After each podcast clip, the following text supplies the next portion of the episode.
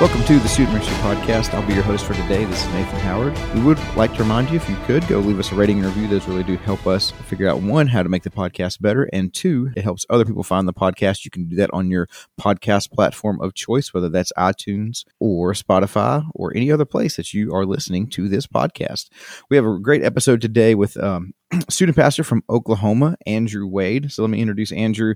Andrew Wade has been leading a student ministry across Oklahoma for over 12 years. He has a passion for discipleship and a heart for seeing the next generation become fully devoted followers of Christ. He and his wife Meredith and their two boys live in Owasso, Oklahoma, where he serves as the student minister at Owasso's First Baptist Church. So, Andrew, welcome to the podcast. Hey, thanks for having me. So, today, listeners, we're going to talk about what it means and what it looks like to minister to parents, but specifically parents of 12th grade seniors? And then specifically what does those last few months in ministry look like? What does it look like to really minister to those parents? I think so often we have that mindset at least i know i did when i was doing student ministry man like i've got to make sure i try to keep these seniors connected. We try to do a lot of stuff there and i think sometimes we forget about what the parents are going through what the parents might need along the way. So before we dive in though let's get to know andrew a little bit more. So andrew i have to ask the question that i think i have to ask every oklahoman. Are you osu or o- ou or do you have a preference or? I honestly have no preference. Um, okay. I grew up in a very hardcore OU family and then okay. married an OSU fan. And so uh, I find that it's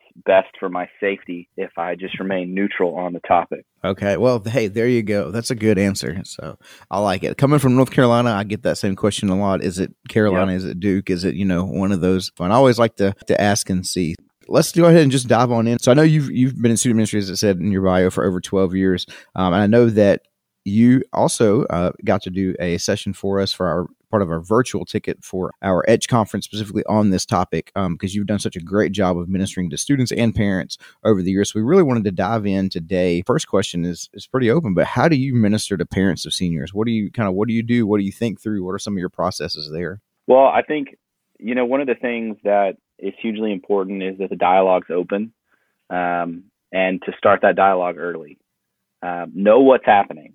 And, you know, I think regardless if you have one or two graduating seniors in your youth group or you have a large graduating class, um, spend some time early, early in their senior year or even late in their junior year and open the dialogue. Open the dialogue with students. Hey, where, where are you thinking you're going to go? What do you think? Uh, where, where have you applied to? those sorts of questions. And then um, when you see a parent in the hallway, when you get a phone call or a text, you're able to bring that up. And that goes such a, a, a long way uh, in ministering to parents of seniors that they know that you've already had a conversation with their kid about what their kid wants and what the family is thinking is going to happen, and that you remembered that. So whether that's mm-hmm. you having a note section on your phone and when when you get new info from a senior, hey, they they're looking to do a campus visit at Oklahoma State, then you write that down so that um, you have an opportunity to bring that back up later with the parent. I think I think keeping the dialogue open is huge. Um, and again, don't wait till the last semester of high school to talk about the first semester of college. Mm. Um, I really, really encourage you to have the conversation about whatever's next, whether that's college or a vocation or military. Have those conversations early. Um, and you can do that on a larger scale. Um, have a have a night where that's what you do, and you bring all your seniors in and have pizza or whatever, um, and even bring their parents in. Um, or if you have a smaller group, you can do that one on one. But but open the dialogue. Um, I, I think it's something that we assume that the parents and the students are going to do on their own, um, but they've got enough going on. Mm-hmm. And one of our major roles in that time is to be a connector between the senior and their parents and this this reality of what's next. And so anything you can do to open the conversation early, um, man, that's a that's a huge win. I love that statement there of be a, be a connector. So, what are some of those things that you try to help help connect the the senior with and their parents? So, what are some things that you kind of help either prompt the parents to ask or prompt the seniors to to ask, or some of those things to think through? You know, one of the things uh, we like to tell our seniors is not to miss a Sunday, and that's not just in our ministry. But we try and say that in our ministry so that they can get into a habit of not missing a Sunday their senior year. And a very real conversation then can take place with the parents and with that graduate of, hey, don't miss a Sunday. Be here, be it at our weekend services, and then your first weekend gone, you're somewhere. You're plugged into a church somewhere. And again, it like it's so important to start these conversations early. If you're waiting until your graduation night or whatever your mm-hmm. ministry does, um, we, we've missed the boat. We really have to begin this dialogue in your senior small groups or however your ministry is laid out and begin this dialogue as early as you can. As far as being a connector, one of the things I really think that we as the student minister can provide is some of the legwork for mom and dad. And what I mean by that is, you know, if I've got a student and they're going to a certain college, then I'm going to call whatever that campus ministry is on that college and get some contact info. Then when I figure out that that student is headed for uh, a campus visit, I'm going to call them back again and say, hey, I've got a student that's going to be in town uh, at this time. I'm going to pass your contact info on to mom and dad. Man, I, would love it if you could grab some time with them. And nine times out of 10, those college ministries are so eager and available to connect with those students because they want those students connected right from the start. There's kind of like this freshman I'm gone situation where I think we've we've set up this very clear ending of mm. student ministry and we've really got to do what we can to to break that down um, yeah. to to tear that wall down of saying you know what I'm gonna I'm gonna still call you your freshman semester I'm gonna mm-hmm. still text you and check in and I'm gonna be a liaison if you will with that campus ministry or with whatever church um, you're looking to partner with on that campus uh, in your new community and I'm going to help you get plugged in there and I think parents need that. They've got enough to think about during that time that mm-hmm. if you can do some of that legwork, it's a huge help. Yeah, I think that's fantastic. I, I love that. And I can, uh, like you said, you said nine times out of 10, those college ministers are, are ready and willing and wanting that. I can just imagine if, if I was a college minister, I'd be like, man, that is, that is great. And just like you said, that goes such a long way to helping parents not have to not to have one more thing to worry about. Like you said, there is a ton of stuff running through their heads when they're thinking about college. Right. You know, from whether it's either how far away it is to you know what all the what classes do you need to take. You know, all the stuff that goes with college. So I think that's fantastic that you're already thinking ahead, building those relationships, especially building those relationships with those campus ministers to to reach out. And I think that's fantastic. Go ahead and get them plugged in because I, I feel like I think a lot of students that I've talked to that that don't get plugged in right off the bat have a hard time then getting plugged in. And we've even seen that some some of the data that we've that we've done yep. from some of the research studies that we that we have done as well. And so already making that connection even before they even start school of oh I've met this person, you know I've talked to them. I think it helps. It goes a long way for you know because not every student's just ready and willing to just go try everything and you know basically just walk in to a place kind of cold. That I think a lot of students kind of feel the need to maybe know someone or go with a friend or something like that. So I think that's fantastic. You're connecting a lot of those dots for those parents beforehand. Yeah, we really advise parents to be involved in the college visit process mm-hmm. um, and to make that. Uh, you know, don't don't go to a college visit on a Tuesday. Um, mm. Go over a weekend and go together, and that like the college shouldn't be the only thing that gets visited uh, during that weekend go with your student right. and and visit some churches and connect with some campus ministries and make it a full weekend where you can visit multiple churches make that part of the dialogue it's not just about the college it's about this new town that they're about mm-hmm. to be in and they have an opportunity again to not miss a sunday and so that's a huge piece of advice we give parents is to make it college visit weekend mm-hmm. uh, and not not to let the college be the only thing that gets visited. Yeah, I think that's huge too because I think for some parents it doesn't even you know cross their mind just and, and not because they're not wanting to. It's just you know with everything else they're thinking about. If I got to remember, oh, during this college visit, there's you know there's times where the parents go off and do their own thing and they get talk to the students do other stuff and they're trying to remember all the questions all the info i got to ask this i got to remember this so i think that's huge just to, yeah. to help encourage them to do that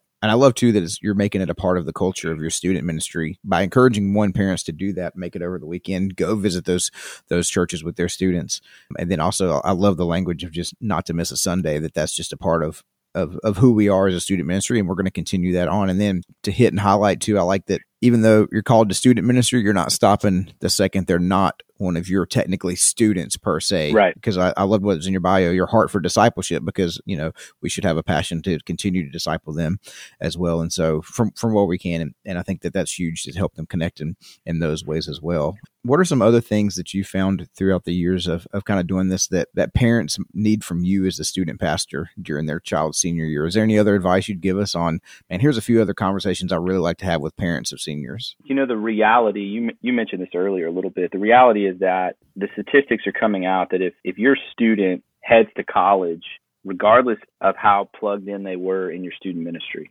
and they don't initially plug in to a, a local church or to a, a, college ministry, but really a local church, mm-hmm. um, that first weekend, um, there's a huge, huge division that they will they will never plug in. Um, and practically, what this looks like is really having a dialogue with parents early about that student not coming home the first weekend. Mm. Um, a lot of my students, if if they're going to a state college, one that's one that's within driving distance, it's almost the default that they're going to come home the first weekend. Mm-hmm. Uh, we're going to get up there, we're going to get you moved in, we're going to leave you, but we'll see you in five days. And man, I would preach against that because they need to plug in in their new town at their new church or try out a new church that first weekend. Yeah. Um, and even if that means parents, you're going up and you're mm. visiting them where they are so that you can be a part of that process. Okay. I really think that if we can create a, an understanding of what's, just be real with the parent. Mm-hmm. Like this is a very real situation that we are seeing so many students walk away from their faith freshman year of college. Yeah. And we've got to get them plugged into local local bodies that are gonna uh, that are gonna walk alongside them during this time. And another thing that I would say to that is the senior year try and create a culture in your youth ministry that seniors serve, whether that's in your student ministry or in the kids ministry or wherever. By that point, if they've been in your ministry and in your church long enough, it's an easy place to push them. Hey, you're a senior. You're going to be graduating. Man, we really need you to serve somewhere. So that when they're a freshman in college, that's something that's going to come natural to them. We should be sending out in droves students from our ministries into college towns to serve in local churches. They have more time, they have more energy, they have more freedom than ever before. Don't just raise up seniors to attend, raise up seniors to serve. I think that's a great dialogue to have with parents as well because they're going to be a huge push in that. Yeah. Oh, that's fantastic. I love that language there to not just raise up seniors to attend, but seniors to serve. And I think that's that's what we've seen too. That students are more likely to keep attending church if they have been serving. It's it's almost the, you know, you are you plugged in where you're at now and you miss the the opportunity of serving, whether like, like what you said, whether that is in kids ministry or whatever else it could be. Like for me, I served a long time with audio visual kind of kind of stuff, right? And, and you and you miss it, you know. And it's like, man, I kind of you know I want to do this as well, and so to find a place to get plugged in there, I think that's really good, man. Having those conversations with parents. Uh, now, as you're saying this, I'm like, man, I wish I'd had some of these conversations with the parents uh, back in the day. But that's fantastic. I'm sure that that can be a tough conversation, but man, it is so crucial. I loved what you said about not having them come home the first weekend. I know every yeah. student is different, but even if the parents do go up there and continue, I, I do like the aspect of maybe if the if the parents do go up and help and go to a church with them, it's it's like you said, it's reinforcing all the things that you've said so far, but about trying to get plugged in. Yeah. I think that is crucial because I can't. Man, I think of so many people, like almost everyone that can does come home that first weekend like you said, just getting trying to get plugged in right off the bat. I think that is crucial. So, yep. man, fantastic stuff there. Last question for us for today. So, how do you help? You've kind of mentioned this. I just kind of want to see a lot of these kind of go hand in hand as you've talked about what parents need um, from you as a student pastor, kind of during their se- senior year, and and like you mentioned, not even then, like even starting these conversations junior year, where they go on yeah. some of these kind of things, setting some of these culture kind of things, which I think are fantastic. Was there anything else that you specifically do for the seniors themselves, maybe during that last year, last semester? Other than the things you've mentioned so far? You know, uh, this is probably for a greater conversation another time, but if your ministry has a discipleship program, I mean, it should be our goal as a student pastor to get every graduate through that discipleship program. And I know we won't always hit that. We'll have seniors that come in at the last moment and things like that. And if your youth group's anything like mine, graduation Sunday brings people out of the woodwork that you haven't seen in months. But I think that if there's not a clear path for that senior to continue practicing their faith in college. Um, if they haven't learned how to get in the Word on their own, if they haven't learned how to study it and wrestle with it on their own, um, how are they going to do that in college? And so, um, getting them whatever whatever discipleship program your ministry has, um, make it make it part of what you do to get seniors involved in that. Um, it's real easy um, not to do that. It's real mm-hmm. easy to get hyped up on middle schoolers coming in, and uh, believe me, I I am so guilty of this. You're already forgetting about seniors because they're here less and they've got stuff going on and they're mm-hmm. busy mm-hmm. and they're already thinking about being gone and they've got jobs and all the stuff. Um, but make it a priority to have them go through whatever discipleship program uh, mm-hmm. your ministry offers. And then I would say the same thing um, that we talked about with the dialogue with parents. Um, be real to them, like help them understand the gravity of the situation. Maybe you have seniors whose parents have brought them to church their entire life, and now we're looking at they're going to be in a different town without mom and dad saying get up and go to church, mm-hmm. and the statistics are very daunting. And so just be real, um, and just like you're being that connector between the campus and their parents, be that connector between the campus and them. Mm-hmm. Um, partner them with whatever campus ministry you can, whatever local church info you can get them. Um, do that. Um, another thing that our ministry put together for seniors is um, just a little list of 10 things to do your first week on campus. Mm. and we talked with our graduating seniors and what what did they wish they knew before they got on campus and stuff like that. Um, and again, part of that top 10 things to do on, on, your first week on campus is don't go home the first weekend. Mm-hmm. Um, and so I think a lot of times we are really good about having dialogue with students or, and we miss the parents or we have really good dialogue with the parents and we miss the students. You've got to, you've got to hit both, um, when it comes to this topic. You know, the first weekend is such a game changer. And so you've got to help parents see that and you've got to help students see that, um, the reality of that. So, yeah, man, that's fantastic. I love the be real with them. I mean, hopefully we are doing hopefully that. we are. Yeah, we are right. But I think you're absolutely right. I think sometimes we, sometimes we maybe either try to sugarcoat it or we just, I don't know, talk about like, oh man, it's going to be great. You're going to pick a college. You go in here and you get to see this basketball team or this football team, or you get to be a part yeah. of this big thing. And, you know, and I think sometimes we forget to emphasize, hey, you know, you get to be a part of like you could be a part of this church or this church. Like i know so and so and i think those are like you're saying those are huge things to be with i love the i love the 10 things to kind of to kind of do. So often i look back and i'm like man I, how often do I say in my own life, like I wish I would have known this before this happened yeah. or whatever. So I think that's yeah. that's really huge as well. I think maybe just for a second here, maybe hit it if you if you would like to. Just the I love the idea though of that discipleship or getting them through that discipleship program because it really is true. The habits and stuff that a lot of them form during that student ministry time will be what is carried on through the rest of the rest of their lives. And yeah. so we're seeing so right so right now, obviously a big thing that we talk about is parent ministry, but we're seeing so many parents not really discipling their students because they themselves have never been discipled or what that looks like. Right. Um, and I love the emphasis that you guys are putting on that because you we know that like you know daily time in scripture reading the word prayer all those things are habits that need to be formed and they need to be formed throughout student ministry as well so that they do continue on into college what are some of the kind of top key markers for you in that discipleship program what we do and and kind of the curriculum that i'm developing and writing is it's a, a six week kind of training class on kind of core things I want my students to know. You know, week one is salvation, week two is baptism and obedience. And then the third week of that is walking through journaling through scripture. And then they move on to a reading plan.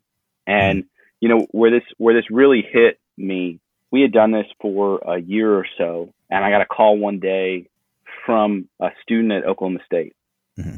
And he was a freshman and he called me and he was like, "Hey, I have a question about the scripture passage," and I hadn't mm-hmm. talked to him in a while, you know. Yeah.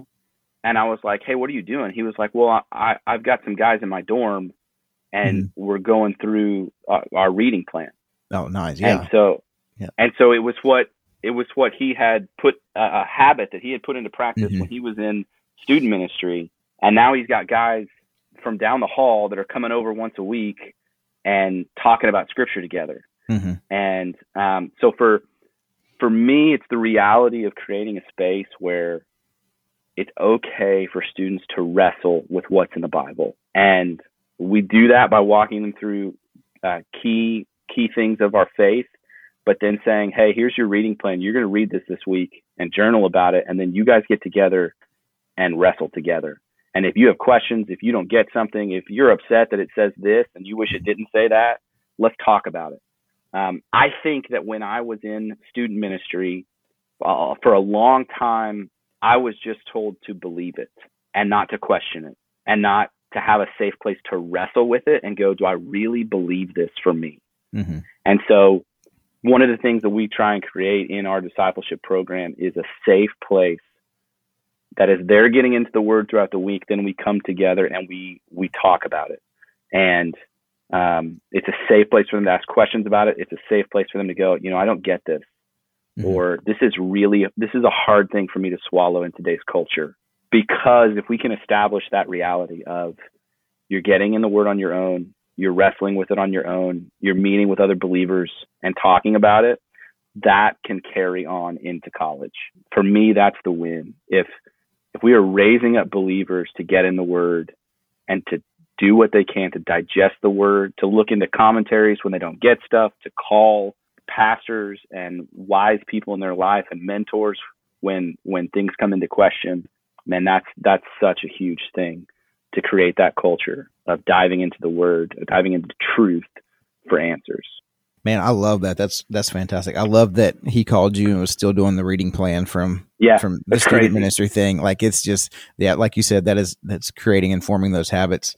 I love that, and I love your intentionality with with also being willing to to work with him through that. Even though some would say, well, he's not not really in your student ministry anymore. But man, it's it's oh. tough to discipleship goes way beyond that, right? And, you know, oh, yeah. so I love your intentionality there with that as well. So again, thank you, Andrew, so much for being on this episode. Listeners, hope you've got some great stuff to take away. I know I do as well. I love the just how intentional you are with parents and students, giving them practical things along the way too, like those those lists, connecting the dots for them, calling campus ministries, helping get them connected. It's great to hear your heart and passion behind all those things, Andrew. So uh, thanks so much for being on the podcast. This has been another episode of the Lifeway Student Ministry Podcast. We'll see you next time.